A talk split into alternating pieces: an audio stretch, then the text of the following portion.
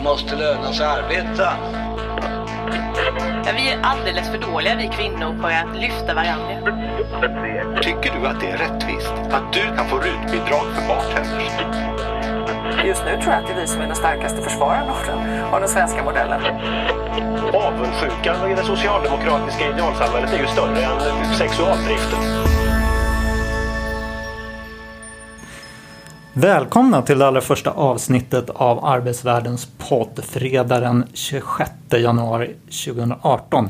Arbetsvärlden är ju TCOs webbtidning, eh, fristående webbtidning. Vi vänder oss till alla som är intresserade av arbetsmarknadsfrågor. Och I den här podden ska vi prata om aktuella ämnen på arbetsmarknaden och samhället i stort. Och så ska vi fördjupa oss i det som vi tycker är extra spännande.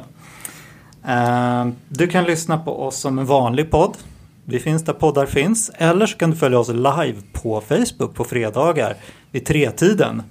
Kvart över tre har vi tänkt. En bra tid, 15.15 att komma ihåg. Eh, kommentera gärna på Facebook. Vi kommer inte plocka in de kommentarerna live eh, i sändning. Det skulle nog bli stökigt för er som lyssnar på podden. Men vi sparar dem och eh, använder för kommande avsnitt. Vi har ju tänkt sända, återkomma varannan vecka kör vi på så länge som någon lyssnar helt enkelt eh, på det här. Hörni, vi som är med i programmet, vilka är vi då? Det är eh, Britta Lejon. Ja. Ordförande för eh, facket ST mm. med nästan 100 000 medlemmar. Mm. Och eh, du, om man ska plocka någon highlight ur din karriär så har du varit eh, socialdemokratisk eh, demokratiminister. Mm. Och du är utbildad kulturvetare har ja, jag, jag avslöja alla mina hemligheter. Ja. Mm. Eh, Samuel Engblom som helst politisk chef på TCO. Ja. Mm. Eh, du är ju, eh, ja TCO, jag kan ju säga också 1,4 miljoner medlemmar då i de 14 fackförbund ja, som vi har 14 ingår. medlemmar som tillsammans har nästan 1,4 miljoner medlemmar. Just det. Eh, och du är ju känd bland annat för att ha stämt Sveriges regering i eh, Europadomstolen och fått kommissionen att eh, hytta åt eh, regeringen angående det här staplandet av visstidsanställningar. Om jag ska korrigera det här så ska jag säga att vi har inte stämt någon i Europadomstolen utan vi, fick, vi klagade till kommissionen så att de inledde ett överträdelseförfarande mot Sverige som kunde ha slutat i EU-domstolen. Men när den svenska regeringen efter väldigt många om och men vek ner sig och ändrade så slutade inte EU-domstolen. Just det. Men det är ditt eh, claim to fame. Du fick, rätt, du fick kommissionen att eh, gå på svenska regeringen i alla fall. Mm. Och du har väl en doktorshatt i juridik? Eller hur? Ja, eh, jag har en, eh, en kappa eftersom jag har en utländsk doktorsexamen. Eh, hatten kommer senare. Just det. Vem är jag då? Jo, chefredaktör på Arbetsvärlden, Mikael Fältbaum. Och eh, ja, mitt claim to fame i poddsammanhang i alla fall är väl att jag ledde den här podden med Sandro Scocco som heter Pengar och politik. Eh, när jag var på Arena. Eh, ja, nu har jag sagt vad ni är, eh, har för utbildningar så att jag får väl avslöja det om mig själv då att jag har en ekonomiutbildning med inriktning mot nationalekonomi men jag har aldrig jobbat som ekonom egentligen. Så det är mer en och jag har aldrig jobbat med kulturfrågor. Jag har varit som närmast när jag var ordförande för Svensk biblioteksförening. Annars har jag mest jobbat med andra saker. Så kan det vara. Yes. Mm. Hörni, idag ska vi prata om regeringens fortsatta flytt av myndigheter. Blir det äntligen slut på Stockholmsfixeringen nu som statsministern har lovat. Vi ska prata om eh, den här inskränkta strejkrätten som är på tapeten enligt Ylva Johansson. Och att allt fler fackförbund nu tagit ställning emot det eh, enligt vår enkät i Arbetsvärlden i veckan. Eh, är det värt att inskränka konflikträtten för att lösa hamnkonflikten i Göteborg? Och så la regeringen förslag om begränsning av vinsterna i skolan, assistensersättning och socialtjänst. Är det ett hot mot den fria företagsamheten eller är det ett rimligt slut på ett eh, felgånget experiment från nyliberalismens glada 90-tal? Eh, sist men inte minst ska vi göra små egna spaningar. Eh, mer personliga, av mer personlig karaktär. Hörrni ni, det är valår, man måste tänka på landsbygden. Ungefär 900 tjänster ska nu utlokaliseras från myndigheter från Stockholm och ut i landet. En del hela vägen från eh, 500 på Sida, hela vägen från Gärdet till Botkyrka. Eh, som är en förort till Stockholm. Eh, men man flyttar en hel del till Malmö, Tullverket och hela Myndigheten för tillgängliga medier till exempel. Det hyllas i lokalpress och det dissas av storstadspress som tycker det är för dyrt. Vad säger ni, är det bra eller dåligt? Om jag får börja så säger jag naturligtvis att vi från mitt förbund tycker att det är inte rätt sätt att se till att hela Sverige lever. Och jag vill bara rätta dig, det är 500 nu den här veckan. Eh, Men, eh, eller 900 den här veckan men till- tillsammans med de som regeringen har beslutat om förra året så är det faktiskt närmare 2000. Just det. Och i landsbygdskommittén heter de va? Har Mm. tänkt att det ska vara 10 000 Jajamän. tjänster Mm. som ska ut från Stockholm. Mm. Samuel, snabbt. Nej, men jag delar det som Britta säger att det är ju, eh, det är ju inte en enkel sak att flytta sådana här myndigheter. Det vet vi från, från tidigare. Samtidigt så vill man att staten ska ha närvaro i hela landet och då kan man fundera hur ska den utformas? Eh, vad är det för service som medborgarna verkligen vill ha på plats? Exakt, och det är där vi känner, alltså, jag, jag har ju, vi har ju medlemmar då i statliga verksamheter och på en del bolag också. Men runt om i hela landet. Och jag, vi, jag vet ju att våra medlemmar och våra lokalt förtroendevalda slåss varje dag för att försöka hindra nedläggningar av kontor inom skatten, inom Försäkringskassan. Vi, våra medlemmar som är flygledare är inte alls glada åt besluten om att fjärrstyra allt fler flygplatser och sådär. Så att vi gör allt vi kan för att försöka se till att det finns statlig service och statliga jobb i hela landet eh, varje dag. Och det är ju en jättemånga beslut som tas av myndighetsledningar och bolagsledningar som verkligen innebär eh, både centraliseringar och nedläggningar av lokal närvaro. Så att det är ett bekymmer. Jag håller med regeringen om att det är ett bekymmer med den centralisering som har varit och att man faktiskt ja, avlövar eh, stora delar av landsbygden på kvalificerad statliga, statliga jobb och en del statlig service. Men det här är inte rätt väg att lösa det. Samuel, vad betyder det för eh, lands... eh, Alltså det finns ju en effekt på myndigheter och så. Att det kan bli dyrt och det, blir, eh, det är svårt att få med sig folk och sådär. Vad betyder det för regionalpol... Är det en regionalpolitisk fråga liksom?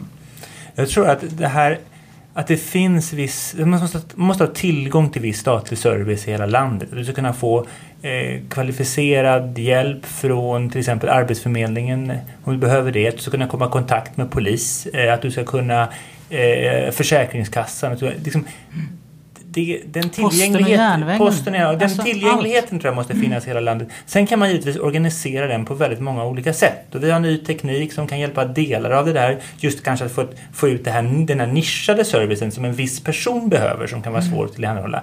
Eh, men det här, är liksom att, det här är ju en annan sak man gör nu när man då flyttar en hel en hel myndighet. Utan det som man kanske skulle vilja ha en mer diskussion om det är just det här hur, hur levererar vi statlig service? Och det tror jag att fysisk närvaro är ju en del av det, det är inte hela delen. Men, men det kan vara en viktig del. Kanske ska vi ha statens hus ute i, i en del kommuner där man, det finns olika statliga verksamheter som kan tjäna en del på att samarbeta. Och lite, så, lite sånt är ju på gång. Alltså ett positivt beslut från regeringen strax före jul det var att man skulle försöka eh, prioritera just lokal närvaro på ett antal nya orter. Inrätta tio nya servicekontor kan man säga. Ger ett helt nytt uppdrag till. Och kommer att skapa en ny myndighet som ska liksom sörja för lite mer av tillgänglighet och service runt om i landet i just servicekontor. Det tycker Men jag är inte, bra. Är det inte viktigt att de här topptjänsterna, man ska säga, kärnmyndigheterna finns på olika ställen i landet då? Ja, alltså, det är klart att det är viktigt att, att det finns myndigheter runt om i landet. Yes, men eh, det är mycket bättre att man i så fall tänker rätt från början och placerar dem där när man skapar dem. Eh, alltså hur intressant är det för folk i Borås att eh, Swedac ligger där? Eh, hur många gånger har boråsare i sin vardag nytta av detta, detta lilla specialiserade myndighet? Och det är det som vi vänder oss mot. Dels att det är dyrt, dels att man flyttar liksom väldigt specialiserade små myndigheter eh, ofta.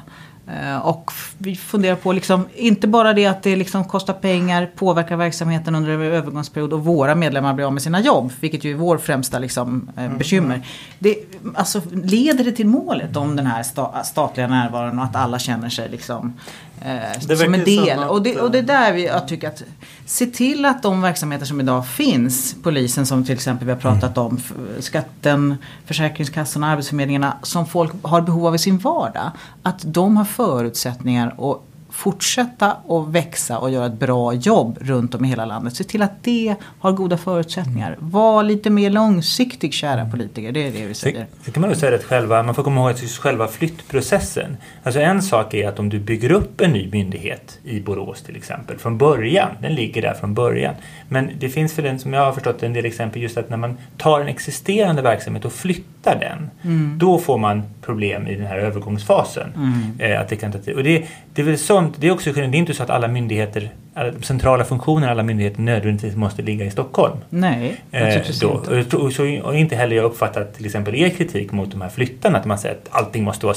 Absolut Ligger inte i. Stockholms innerstad så att- väl ingen jobbar där. Det är inte det som är grejen, Nej. utan det är mer att, att klart att den här typen av flyttar får ju en effekt. Det Ja, finns ju men- någon, precis. Statskontoret har väl gjort någon utredning där de visar att ibland lyckas det. Som i Gävle flyttade man någon statens servicetjänst. Mm, Kanske du kan, servicekontor. servicekontor. Berätta exakt vad Nej, det är. men- Men, men- då fick man en effekt därför att man hade man, det krävdes att man hade gått gymnasiet, någon specialinriktning kanske och då utbildade man folk för just det. Vad jag förstod. Och Mm. eh, det här fick liksom en effekt att man sen startade, man fick flera callcenter så det fick någon Absolut. sorts Det klustereffekter. finns en- en- Medan när man flyttade Energimyndigheten till Eskilstuna så ledde det till att alla pendlar från Stockholm istället. Mm. Nej, men jag skulle vilja säga att de flesta eh, utlokaliserade myndigheter, eller vi ska säga, blir ju bra till slut. Det, absolut, så är det ju. Det är liksom, eh, oavsett om vi pratar om Folkhälsoinstitutet eller om vi ska prata om Boverket som jag menar, har varit föremål tidigare. Eh, det är inte det, alltså. Självklart blir det, alltså, det blir bra till slut. Man liksom, men det, under de här två åren ungefär, eller ibland ännu längre tid, som det faktiskt tar från det att man lägger ner verksamheten på en ort och ska rekrytera nytt folk, bygga ny eh, verk, verksamhet på en ny ort. Det tar tid. Och till exempel det här fallet med E-hälsomyndigheten nu då, som regeringen beslutade om förra året som, som skulle flytta. Eh, de står ju för infrastrukturen, den digitala infrastrukturen bakom apoteken och medicinförskrivningen. Det måste funka 24-7. En sån här flytt är otroligt eh, knepig i en sån verksamhet. Eh, Och regeringen har ju också så småningom fått inse att man måste skjuta till pengar för att det ska funka. För det är klart, personalen försvinner, det är få som har möjlighet att flytta med. Det handlar inte om att man inte vill, men det funkar inte. Är det Och då här- måste, tar det tid när man rekryterat nya människor. Är det en sorts, eh, alltså vad gör det här för eh, resten av Sverige? Är det, någon, är det regionalpolitik på riktigt eller är det någon sorts symbolpolitik i brist på regionalpolitik? Ja, jag skulle vilja säga att jag, jag, jag tror att det är lite mera en symbolpolitik som, som jag tror att upps, alltså jag vet, den uppskattas av de flesta medborgare i Sverige. Så är det. Vi är ganska ensamma om att tycka att det här är problematiskt därför att det handlar om våra medlemmars jobb och, och verksamheten. Men jag, ty, jag tycker att det är, svaret på frågan har det nog gett. Eh, och jag tycker att det är en lite bekymmersam syn på statlig verksamhet. Alltså, jag, den är den, den kräver mer av långsiktighet än så här. Samuel? Ja, nej, men jag kan tro att givetvis på en, en ort som får en myndighet till sig så blir man nog väldigt glad. Och det, kan, och det är klart att det har ett signalvärde gentemot människorna som bor där att staten bryr sig. Det tror jag helt klart kortsiktigt så. Eh, men sen är det lite grann som, som Britta var inne på. Vad är det för tjänster som verkligen betyder någonting i människors vardag? Och då kan det ju vara helt andra saker än att en, en myndighets centrala funktioner eh, flyttar dit. Sen kan man ju då ha ambitionen när man skapar nya myndigheter att de ska finnas på olika ställen i landet och sånt. Eh, all kompetens finns inte i Stockholm, tror jag man ska vara, vara på det klara med. Nej men det handlar ju överhuvudtaget inte om det. Självklart finns det kompetens i hela landet. Det är inte det. Utan det är liksom att det här blir problematiskt under en övergångsperiod. Det kostar väldigt mycket pengar. TCO har ju faktiskt en, en regionalpolitisk eh, idé kan man väl säga som går ut lite på att eh, Alltså just att eh, skatt skatteintäkter, att det region, alltså skatteutjämningssystemet inte kanske levererar precis det man vill och att skatterna är ganska höga i kommuner som inte har något vidare skatteunderlag. Eh, och att det blir ganska stora skillnader och att sta, alltså nå- en idé om att staten borde ta ett större ansvar för att välfärden ska vara jämn i hela landet. Det är en sån sak som vi har, vi har tittat på när vi tittar på skattepolitiken. Och, eh, en intressant sak med Sverige faktiskt och regionalpolitik det är ju att vi är ett av de få länder som faktiskt har lyckats med det historiskt. För att Eh, det finns studier på olika europeiska länder. Och det, säger, man det är samma regioner som var rikast 1890 eller 1860 och är, var är rikast idag eh, och har varit rikast under hela tiden. Men i Sverige så är det många regioner som har förflyttat sig. Kronoberg, Norrbotten, sånt som har haft under eh, perioder varit väldigt eh, liksom, välbärgade då, jämfört med, med genomsnittet. Eh, eh, och kanske då under andra perioder kanske inte fullt. Men, men, men det beror på, på lite det går, hur gruvorna och skogen går? Eller? Jo, men också att faktiskt att, att den, den regionalpolitik kan göra skillnad. Det mm. finns den typen av skillnader. Vi hade ett seminarium i Almedalen förra året med en forskare från eh, Lunds universitet, Kerstin Enflo, mm som hade tittat på det där. Och skrivit en, hon har skrivit en kort och tillgänglig rapport från SNS som man kan läsa om man vill se det där. Och just då att Sverige sticker ut och att politik har betydelse. Mm. Och jag menar, det, lyckade exempel är ju också de här eh, att man, att man skapat många högskolor runt om i landet. Det har ju haft jättestor betydelse för, för tillväxtmöjligheterna runt om i Sverige. Just det. Hörrni, nästa ämne. Uh, Ylva Johansson har ju tillsatt en utredning om inskränkt strejkrätt och till och med uttalat sig om att strejkrätten kan behöva inskränkas.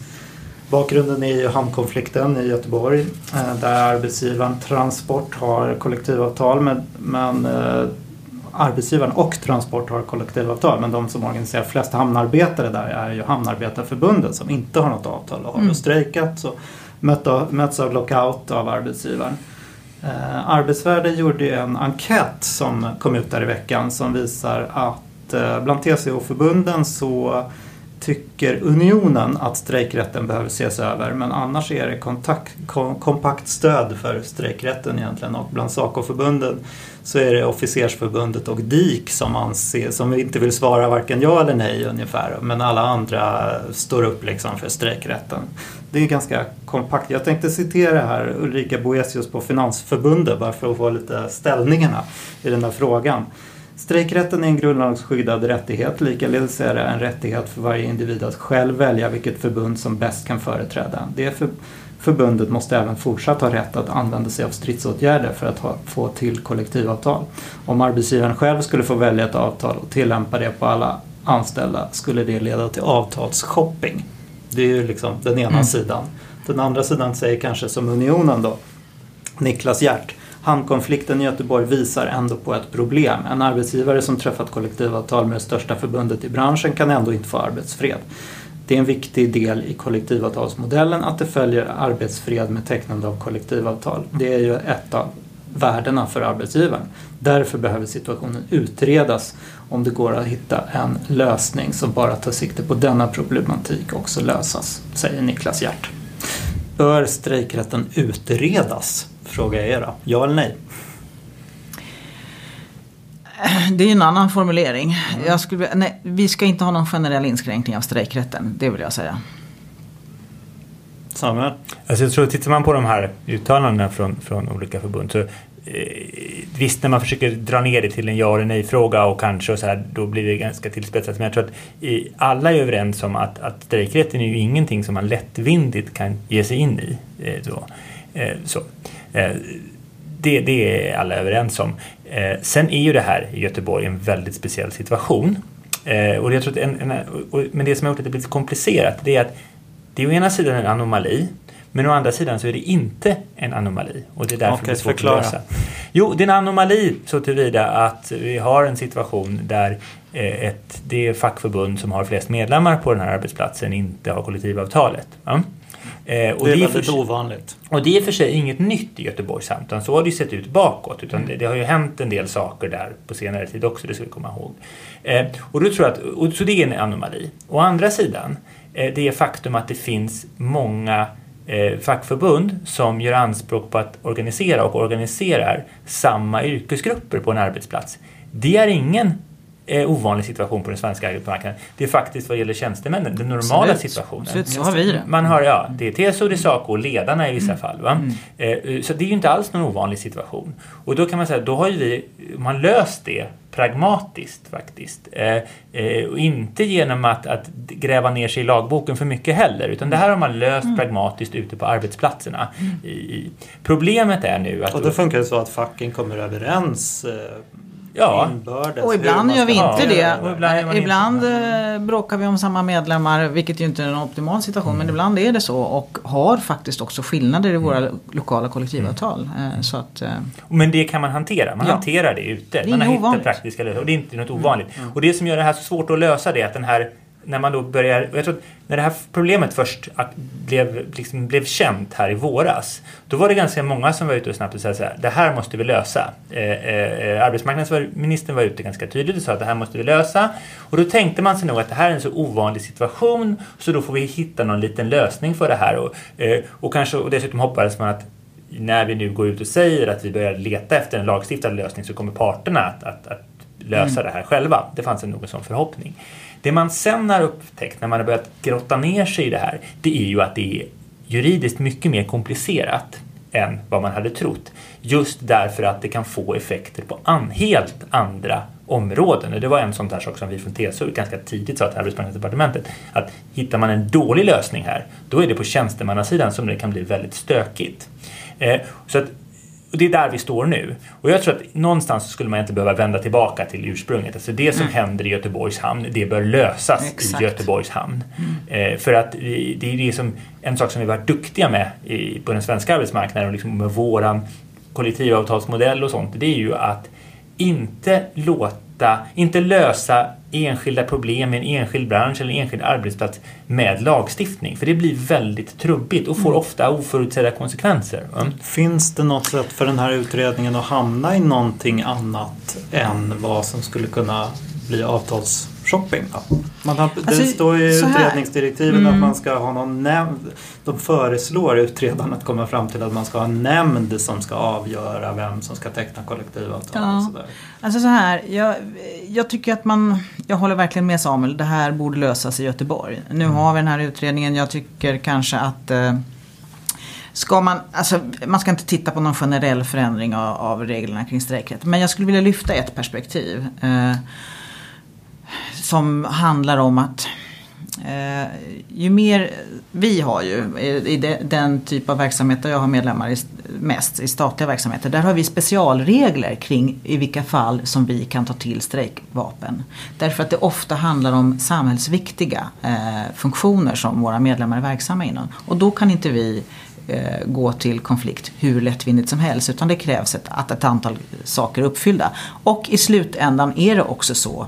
Eh, dels att vi har vissa grupper som inte får överhuvudtaget strejka, vissa nyckelfunktioner. Plus att det finns också en nämnd för eh, den statliga arbetsmarknaden. Som eh, i så fall beslutar om, om, om det här är på väg att bli en samhällsfarlig konflikt. Då kan man liksom överpröva eh, situationen.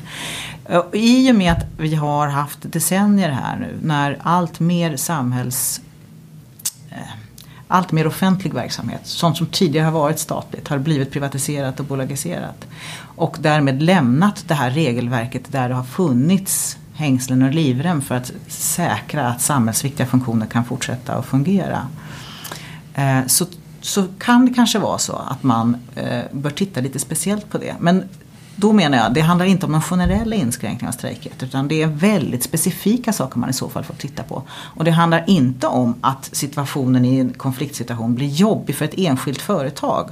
Eller att ett enskilt företag riskerar att gå i konkurs. Det får man liksom acceptera med vår arbetsmarknadsmodell. Utan det handlar om i så fall att säkra enormt viktiga samhällsfunktioner. Det skulle möjligtvis kunna vara eh, någonting annat som man kan liksom titta på. Men i grund och botten är det här en konflikt som, som är i Göteborgs hamn och borde lösas där. Och regeringen skulle faktiskt också kunna helt enkelt fatta någon form av stopplagsbeslut här om att nu har det här gått för långt så nu ingriper vi. Mm. Eh, funderar jag på varför de inte har gjort. Mm.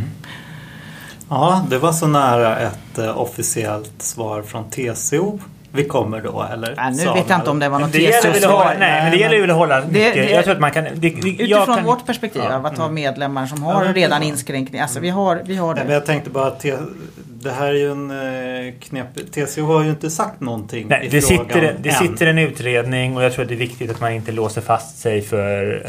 Uh, hade vi haft någon genialisk lösning på det här då hade vi säkert gått ut med den. Mm. Uh, men men det, är inte, det är inte där vi är idag. Och det finns inget förslag från utredningen Nej, och det heller, finns inget förslag från utredningen, precis. så. Så att, men fortfarande, det bästa vore givetvis om det här läses i, i Göteborg. Mm. På något sätt. Precis, för det har ju, det har, det, jag menar, det har ju, det är en väldigt allvarlig konflikt. Så är det. Mm. Gott, hörni. eh, Sista ämnet. Mm. Tredje sista ämnet. Vinster i välfärden. Regeringen och Vänsterpartiet har ju presenterat en lagrådsremiss som ska bli en proposition som ska gå till omröstning före valet. Och eh, vinsttaket ska ju då bli ungefär eh, 7,5 eh, procent på det operativa kapitalet. 7 procent plus statslåneräntan som ligger på en halv procent. Eh, och det operativa kapitalet, det är ju lite intressant. Vi ska väl inte gå in på allt för mycket teknikaliteter. Det är ju då ett mått på det kapital som faktiskt arbetar i rörelsen. Eh, så det, vilket ju resulterar i att det kommer bli ganska hårda bandage eh, för de stora vinstdrivande koncernerna helt enkelt. Och Svenskt Näringsliv å ena sidan har ju hävdat då till exempel att det här bryter mot grundlagen till och med, den grundlagsskyddade näringsfriheten. Och eh, Ardalan Shekarabi, jag var ju på den här presskonferensen när det här presenterades, han redogjorde ganska torrt för för de här regleringarna medan Jonas eh, Sjöstedt eh, myste lite grann och eh, det- kändes som att eh, det var han som stod bakom det här förslaget och sossarna gjorde det lite motvilligt om man ska tolka liksom kroppsspråket på den här och även tweetsen sen efteråt från partierna. Men eh, gör det här skolan bättre eller sämre, vinstförbudet? Om det skulle genomföras. Vi utgår från att det skulle gå igenom. Ska jag tror man säga så här att det finns, det, här, det är ju skolan men så är det ju också några verksamheter till. Men vården lyfter man. Socialtjänst och eh, Eh, assistansersättning. Och det är klart, de här, vi vet att det här är verksamheter där det finns problem idag. Det finns problem med, med brist på utbildad personal. Eh, då det finns problem med eh, vi har dålig arbetsmiljö, det här är verksamheter med höga sjuktal. Det är, eh, vi kan också se att det finns en bristande jämlikhet, det vill säga att det får eh, Eh, dina, din eller dina föräldrars bakgrund, eh, var du bor, eh, utbildningsnivå och så får betydelse för, vilken, för, för resultaten. Och sånt. Så vi har stora problem, i, liksom den typen av problem har vi i de här sektorerna. Eh, men inget av det löser man ju genom att reglera hur mycket vinst man får ta ut. Ja.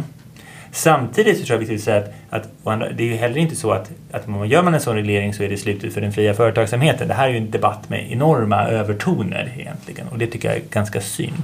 Och framförallt som att eh, det finns en mycket viktigare debatt man, man skulle kunna föra som jag tycker till exempel att, att Lärarförbundet har varit väldigt duktiga på att föra som handlar om ja, men vad är det då som eh, gör att eh, det har kunnat uppkomma exempel där, där någon eh, kan ta ut en väldigt stor vinst ur den här typen av verksamheter. För det är klart, det är inget bra sätt att använda skattepengar på.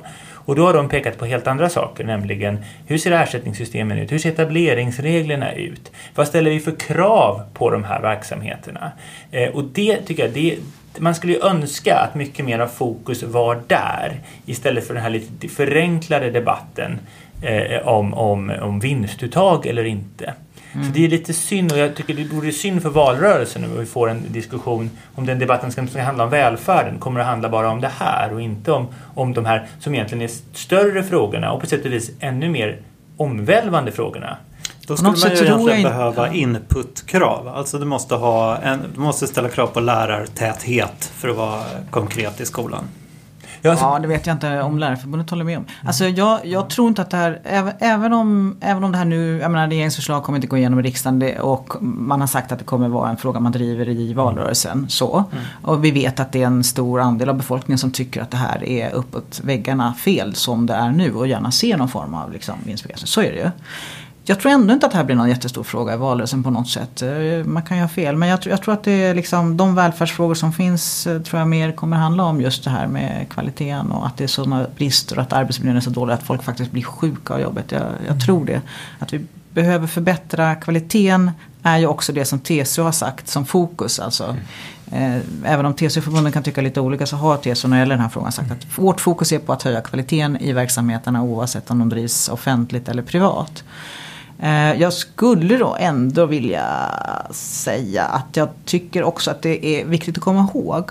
Kommer ihåg att, att Laura Hartman kom med en, eh, en studie för ett antal år sedan när hon jobbade på SNS. Som ledde till väldigt mycket eh, debatt. Där hon ju konstaterade att, eh, när hon ju liksom undersökte vilket, vilket vetenskapligt stöd finns det för, för att kunna säga att, att de privatiseringar som har skett inom välfärdsområdena har de lett till ökad effektivisering och förbättrade resultat. Och hon konstaterade ju då, det är några år sedan i alla fall, att det finns inget vetenskapligt stöd för att dra några slutsatser åt vare sig det ena eller andra hållet. Eh, och det där ledde till, som ni kommer ihåg, mycket, mycket stora ramaskrin. Hon fick eh, STs arbetslivspris så småningom, några år senare, för hennes integritet i forskningen. Eh, jag tycker att det där ska man hålla i huvudet eh, innan man rusar i stad och gör väldigt mycket. Vi är, det är bara att konstatera, Sverige är lite extremt i det här avseendet. Det är få länder som har gått så långt som vi har gjort. Så jag tycker att det eh, Fokus på kvalitet, hur förbättrar vi den oavsett vilka, vilka, vilka som är huvudmän. Men också inse att det finns en folklig, eh, ja, vad ska man säga? En uppmaning till, till politikerna och till huvudmännen att liksom, det är klart att skattepengar ska användas för det de är avsedda för. Så att jag tror att även om inte det här blir någon stor fråga i valrörelsen som det ser ut nu eftersom det är mer in, trygghetsfrågor och mer brottslighet och, och, den, och integrationsfrågor som kommer vara på dagordningen. Så, eh, och regeringsbildning förstås. Så, så borde frågan om kvaliteten i välfärdens eh, tjänster, alltså i skola, vård och omsorg, borde vara en valfråga. Men jag tror kanske inte att det blir det just utifrån det här. Det här är så tekniskt och lite krångligt att förstå sig Men ni, alltså, vi, vi är som du säger ett extremt land. Inget annat land, möjligen Chile då, tillåter vinstdrivande företag i skolan. Och det är väl alltså de som skulle förespråka ett vinstförbud, vilket ju stora delar av befolkningen gör, anser att kvalitet hänger väldigt nära ihop med vinster. Alltså att det system vi har lockar, skapar incitament som förstärker segregation. Alltså du väljer skola. Alltså när du väljer skola så, är, så tar du ett privat beslut som gynnar dig som privatperson. Men det är inte nödvändigtvis det beslut som gynnar samhället. Det vill säga eh, privata företag tjänar ju på att du väljer bort. Alltså man väljer ju bort. Man väljer ju bort problematiska barn och så väljer man sig till en skola där man vet att folk har valt aktivt eh, mer eh, icke-problematiska så att säga. Det är ju så det fungerar i de här alltså det, skolorna. Det, det, är väl det här att hur... Jag tror att de, här, de allra flesta människor tror jag blir, blir väldigt upprörda om man hör att någon har tjänat väldigt mycket pengar på att erbjuda det offentliga och i, då i förlängningen elever eller patienter eller brukare dålig kvalitet eller att man har haft dåliga arbetsvillkor. Man liksom genom att snåla in på saker har gjort stora vinster. Det tror jag det är de allra flesta överens om att det, så vill man inte ha det. Va? Men sen har vi då att en del av de här systemen är så uppbyggda att du kan, du kan erbjuda en väldigt ganska bra produkt. Alltså det här, en, du kan driva en skola med goda resultat där barnen trivs och lärarna har bra villkor. Va? Eller en vårdcentral. Mm. Jo, det är ju inget Men, fel på undervisningen i de här skolorna. Nej, genom att du har lagt den på rätt ställe och sådana saker. Mm. Och därför menar jag att då, då är det nog då bör man börja intressera sig för till exempel ersättningssystem och etableringsregler och sådana saker. För där handlar det också om att vi vill få, så bortom någon sorts, som man då den här ideologiska debatten om ska, det, liksom, ska man tillåta, ska man tillåta privatiseringar, ska man tillåta vinster så finns det ju en, hur ser vi till att vi får bästa möjliga kvalitet för eh, och, och, och liksom bästa möjliga utväxling av skattepengarna? Hur ser vi till att vi liksom har, använder eh, offentliga medel på ett effektivt sätt. Mm. Och det är det jag lite grann saknar för här blir det en annan diskussion. Här blir det mycket svart och vitt. Mm. Eh, och jag är nog lite rädd att den, att den, att den ändå Ja, den är teknisk om vi går ner mm. på det här. Ilmar Reepalus förslag är mm. jättetekniskt. Va? Och du måste vara revisor för att riktigt förstå vad det betyder. Va? Men det, ibland kan ju den politiska debatten vara så att det finns någonting, eh, ett område, välfärd är viktigt. Va? Och så kan någon ha ett förslag på det området som inte nödvändigtvis löser några problem men som upplevs som att det löser problem. Va? Och då, då kan vi få en, en, situation här när bägge sidor i den här debatten känner att de har någonting som, som kan mobilisera de egna mm. och som kan lösa Och då, och då vill man gärna hålla fast vid den frågan fast den egentligen inte löser något av de problemen som finns. Så jag, jag, jag känner att det var mycket lättare att debattera privatiseringar på 90-talet för då kunde man antingen säga att titta här, ekonomisk teori säger att det här kommer att gå jättebra och vi kommer att bli mycket mer effektivt och mer valfrihet och så. Och sen hade vi ett annat gäng som kunde säga att nej, så kommer det inte alls bli. Nu har vi då 20 år av empiri och då är debatten, eller 25 år, då är debatten mycket svårare för då, då kan man ju faktiskt säga att nej, men det blev inte det blev inte det här det blev inte Kentucky Fried Children men det blev inte heller någon sån här eh, utopi av effektivitet. Va?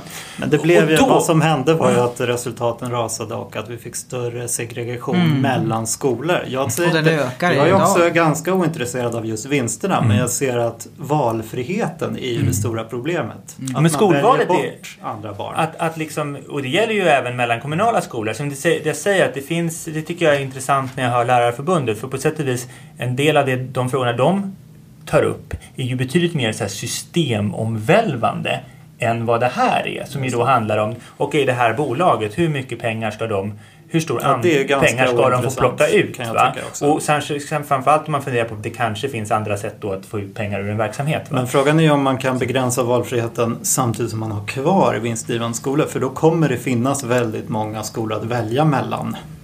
Och det är det som är problemet på något sätt. Men då har vi det här, ersättningsregler, etableringsregler. Alltså, jag skulle vilja säga så här, det är väl, det är väl inget problem att, att um, föräldrar kan välja skolor. Problemet är att skolor kan välja bort barn. Mm. Är det inte så? De kan, ju inte, ja, de kan ju det, inte det i princip. Nej, men, de, men det men, funkar ju så. Ja, det funkar så. Mm. men körregler. Ja, jag vet inte. Men, mm. men jag menar, även, även mellan kommunala skolor är det liksom, kan det vara jättestora skillnader. Bra! Mm, ja, det vet jag inte. Utrett men, den här frågan en gång nej, för alla. precis.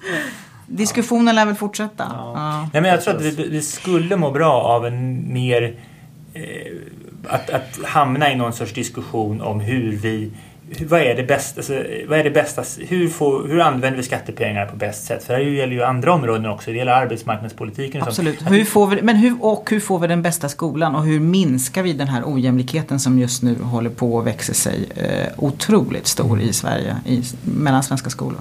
Ja, det är utgångspunkten. Alltså, det, alltså, man fokusera på det, det istället för... Det låter ju som en mittenposition och det är ja. en mittenposition i Sverige. Men mm. internationellt, internationellt är det en extrem mm. position. Mm. Så är det. Vi är inte landet lagom som vi själva tror. Nej. Nej. Hörrni ni, nu har vi kommit till det sista och mm. eh, spännande avsnittet Egna små spaningar. Huva ja. Vem vill börja? Ja, det här hade både Samuel och jag ångest för visar sig. Jag har inte gjort som du sa. Du sa att vi skulle eh, hitta en spaning. Ja. Helst skulle det vara kul och jag är helt värdelös på sånt. Så jag har gjort lite annorlunda. Jag har en fundersam fråga.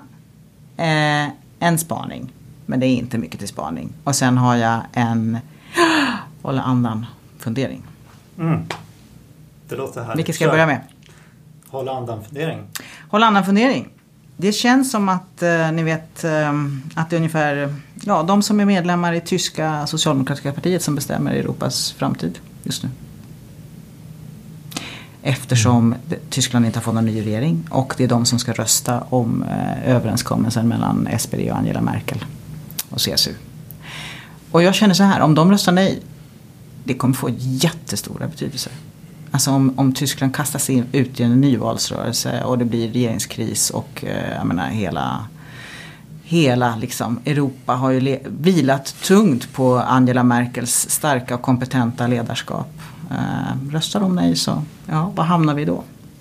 Jag, fick en, jag var i Paris förra veckan och fick eh, då bland annat på svenska ambassaden och fick dragningar om, om, och vi träffade också franska politiker och så här. Och då, då, en sak som dök upp där som det pratades om i Frankrike det var att faktiskt den franska regeringen har varit på SPD. En del mm. i den mm. franska regeringen har ju gamla band till, till tysk, alltså, känner tyska socialdemokrater från sina tidigare partimedlemskap. Mm. Eh, och att man då, vilket är ganska liksom, ovanligt då att en regering i ett land verkligen är inne på och försöker påverka ett parti i ett annat land. Därför att, och just det här, det, där, där ligger, mm. det är väldigt viktigt just nu mm. vad som händer där. Mm. mm. mm. Min fundersamma fråga. Eh, både TCO och SD är ju medlemmar i den fantastiska organisationen Folk och Försvar. Så att jag har ganska många år nu varit uppe och deltagit på den här eh, konferensen i Sälen. Och nästan varje år så diskuteras NATO-frågan Eh, och ni vet hur positionerna är för eller mot medlemskap. Och liksom linjen går ju mellan blocken i politiken. Och jag tycker bara det är så fundersamt. Så mycket tid som ägnas åt denna fråga. Inte bara på konferensen Folk och Försvar utan också generellt i svensk politik. Och så lite av diskussionerna kring NATO som handlar om NATOs egen inre utveckling. Just nu står ju olika NATO-medlemmar på väg mot varandra i ett krig. Alltså, eh, ja, jag tycker att vi borde fundera lite grann över det också. Och varför diskuteras inte det mer? Ja. Och ska jag ta min spaning då, som inte är någon spaning Samuel. Så du får, du får stå för den riktiga spaningen. Det är mer ett konstaterande. Solen kommer! Underbart! Varje, varje dag, varje vecka blir det ljusare. Eh, och jag håller koll, stenkoll på de där minuterna. Idag var det 8.11 gick solen upp och 15.50 går det ner här i Stockholm. I Kiruna 9.20 14.23 i Ystad 08.07 16.27 helt underbart. Det är faktiskt härligt. Man Det är märker den här skillnaden. Ja, det är som min farmor sa. Att i slutet av januari så är det ljust när arbetarna går hem och i slutet av februari är det ljust när tjänstemännen går hem. Just det. Snart blir det mörkare igen. Nej, säg inte sådär. Samuel. Ja, nej, min spaning var mer eh, en generell spaning om, om samhällsdebatten eller det politiska samtalet. Och det är att vi, vi, kommer, vi håller på att drabbas av någon sorts integrationsintegrering. Det vill säga att man gör alla frågor till integrationsfrågor. Och att det då påverkar eh, hur de frågorna formuleras men också vilka lösningar man sen söker. Och då ska jag ha två exempel, man ska egentligen ha tre men jag har två. Eh, det första är, är eh, när vi gör mätningar eh, på TCO-förbundens medlemmar om vilka som är viktiga politiska frågor och sånt som vad som ska avgör hur de tänker rösta i valet eh, och då kan vi, kunde vi se här, vi, mätte i maj, vi mätte i december att arbetslösheten den har gått ner så istället för att 20 procent har det som en topp tre fråga så var det 14 procent och det var kan man säga en statistiskt liksom säkerställd nedgång. Eh, och då kan man fundera på varför. En förklaring är ju då givetvis att jo, men arbetsmarknaden går väldigt bra. Eh, sysselsättningen ökar ju och så. Arbetslösheten går ju också ner, men en, liksom, den är lite segare. Eh, så det är ju en, givetvis en förklaring. Men en annan förklaring kan ju vara att, att arbetslösheten som, som politiskt problem och som samhällsproblem då har bytt skepnad och förvandlats i media och av politikerna och därför också av allmänheten och sen allmänheten plockar upp det så hänger media på och politikerna, det blir sån här rundgången till ett integrationsproblem. Man pratar framförallt när man pratar då arbetslöshet så pratar man om, om nyanlända och utrikesfödda och så. Och då, blir, och då finns det en risk att man, när man gör det till ett sådant problem, att man landar i fler, eh, fel, eh, fel slutsatser, att man, man förespråkar fel insatser. Därför att då får den också andra dimensioner. Då blandas den ihop med annat. Det kanske inte är det mest effektiva utan man då kanske man börjar leta efter de där eh, insatserna som skickar rätt signaler. Både till de arbetslösa men också till till väljarna, till, till liksom allmänheten. Och det där tror jag är ganska farligt om man gör den frågan till en, till en sån fråga. Som vad då? Nej, men det, ja, vi har ju sett till exempel att eh, eh, man har eh, till exempel har man då när man gjort förändringar av eh, i migrationspolitiken då man har velat liksom, skruva åt på vissa håll så det klart det har fått effekter för då har man gjort förändringar som har gjort att reg- eh, som påverkar eh, Eh, integrationen på arbetsmarknaden så att människor kanske gör val som snarare handlar om att få vilket jobb som helst än att de går in i det jobb som de, där de har en ba bakgrund även om det är ett bristyrke. Alltså den typen utav. Men sen finns det också givetvis en, generellt ett problem om, om, om den typen av problem som arbetslöshet blir någonting som man upplever är några andra som är arbetslösa. Det kan vi se från andra länder att det, det, blir, det kan direkt bli ett problem om man får. För då, då kan också den politiska debatten gå iväg från det mest effektiva till det som upplevs som att det skickar rätt signaler. Va? Lite kanske mer repressivt. Så det är min- liksom den ena delen. Det är som den gamla idén att om man pratar om saker i termer av krig så kommer man hitta krigslösningar. Ja, men det säger men visst, det Krig, betyder... war on drugs. Språk liksom. Ja, är så ja. otroligt viktigt. Eh, det andra, eh, min andra då lilla spaning, det handlade om, det blev en debatt i veckan om det här med ett andra främmande språk efter engelska i skolorna. Och det som satte igång den debatten det var en, eh, någon sorts larmsignal om att en kommun i södra Sverige inte skulle längre skulle erbjuda franska. Eh, och sen tror jag att det, den där debatten nyanserade sig ganska snabbt. Det var en del som gick ut och sa att nej men titta det är faktiskt inte alls så att det är färre idag som läser sådana här språk och sånt. Och det, började komma siffror. Men den politiska reaktionen den blev direkt okej, okay, men då ska vi skärpa språkkraven i skolan. Och, och eh, Liberalerna var ute och sa att det ska vara eh, man ska ha godkänt betyg i ett modernt språk för att söka ett högskoleförberedande program. Och att man ska återinföra det här eh, Eh, som fanns tidigare, det vill säga att man fick mer meritvärde om man läste fler språk på gymnasiet när man sen söker till högskolan. Den typen utav. Och då pekar man ut moderna språk. Moderna språk det är då, eh, de skiljer sig från gamla, så det är inte latin och grekiska gammal utan det är då fra, eh, franska, tyska och spanska som man eh, lyfter fram. Eh, och, och, det är, jag tycker det är jättebra. Jag tycker det är bra om folk läser, fler läser franska, spanska och, och, och tyska i skolan. Det öppnar upp nya världar. Eh, det, liksom man läser jag menar, den franska debatten är helt annorlunda, den svenska och den tyska är helt annorlunda. Det vidgar dig. Liksom. Och det är också bra för humankapitalperspektiv om vi vill handla med de här länderna och ha relationer med de här länderna. Men då finns det ju en annan stor språkresurs och det är ju då människor som med sig hemifrån har ett annat språk än de här tre. Eh, och jag tror att då skulle man vilja lyfta in att ja, men då behöver vi nog se till att, att vi tar tillvara de här som, läser, eh, eh, som skulle kunna lära sig väldigt bra arabiska till exempel. För det är ganska många länder man pratar det och vi vill ha handelsrelationer med dem och så. Eh, eh, och då finns en risk när vi har den här integrationsintegreringen att då, lyft, då, då, då säger ingen det utan då vi fokuserar på trygga europeiska språk så här. Eh, för vi, vi, vi, vill inte skicka någon signal att, att, att det är värt att satsa på, på de här hemspråken och sånt då. För det kan riskeras att ses som att vi inte tycker det är viktigt att man lär sig svenska. Det, den här typen av debatter när det, då, när det liksom inte blir rationellt, för ur ett humankapitalperspektiv är det ju väldigt rationellt att satsa på att människor verkligen ska lära sig språk som de har en förutsättning att lära sig på en nivå där det blir användbart för svenska företag, svenska mm. myndigheter. Integrationsintegreringen, lysande Ja, jag är bekymrad över det. Det är också apropå vad, vad som kan hända under valåret 2018. Att, att, att alla problem blir integrationsproblem. Och det tror jag det måste man se till att det inte blir. Mm. Jättebra. Jag började också min spaning i någon sorts eh, lite mer deppigt eh, mode. Men sen tänkte jag att nej, men jag måste göra något roligt. Men eh, något som var lite positivt. Men eh, jag tänkte ändå börja med den här. Eh, ni har väl sett den här Moderaternas eh, Aina ska med-kampanj mm. i tunnelbanan. som jag själv kan tycka är lite... jag tycker att den liksom lite på det här spåret integrationsintegrering. Att den svartmålar förorter på ett sätt. Som att det verkligen skulle vara det vanligaste förnamnet eh, på flickor i skolan att kallas för hora ungefär som, som eh, vad heter det, kampanjansvarige på Moderaterna ungefär uttryckte det när de frågade om den här kampanjen. Men eh, sen kom det en nyhet och att man, eh, från eh, Malmö hur kommunen vill eh, motarbeta kriminella gäng. Och då tänker man ju i den här, i den här etnifierade debatten liksom. Eh, lite grann att eh, Okej, okay, vad handlar det om att kalla in militären nu? Eller? Men här handlar det om att eh, kalla in eh, miljöinspektörer istället.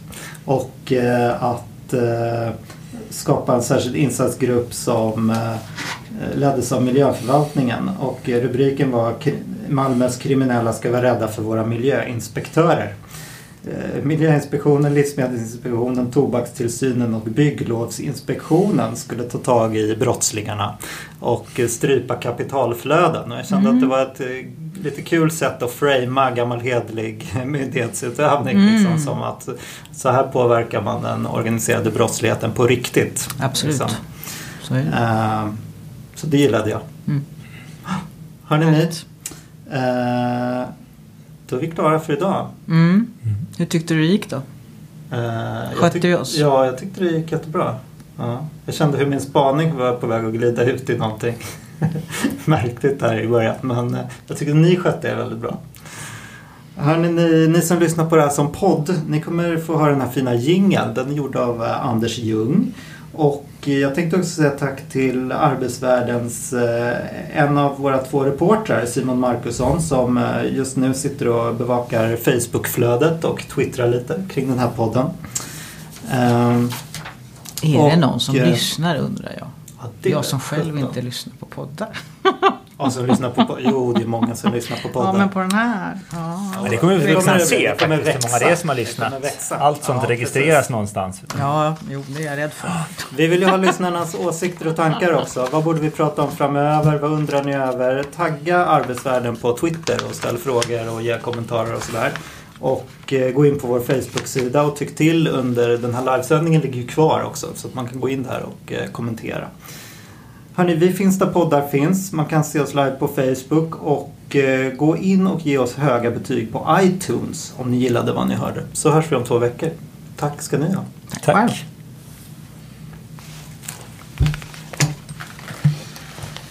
Jaha. Ja,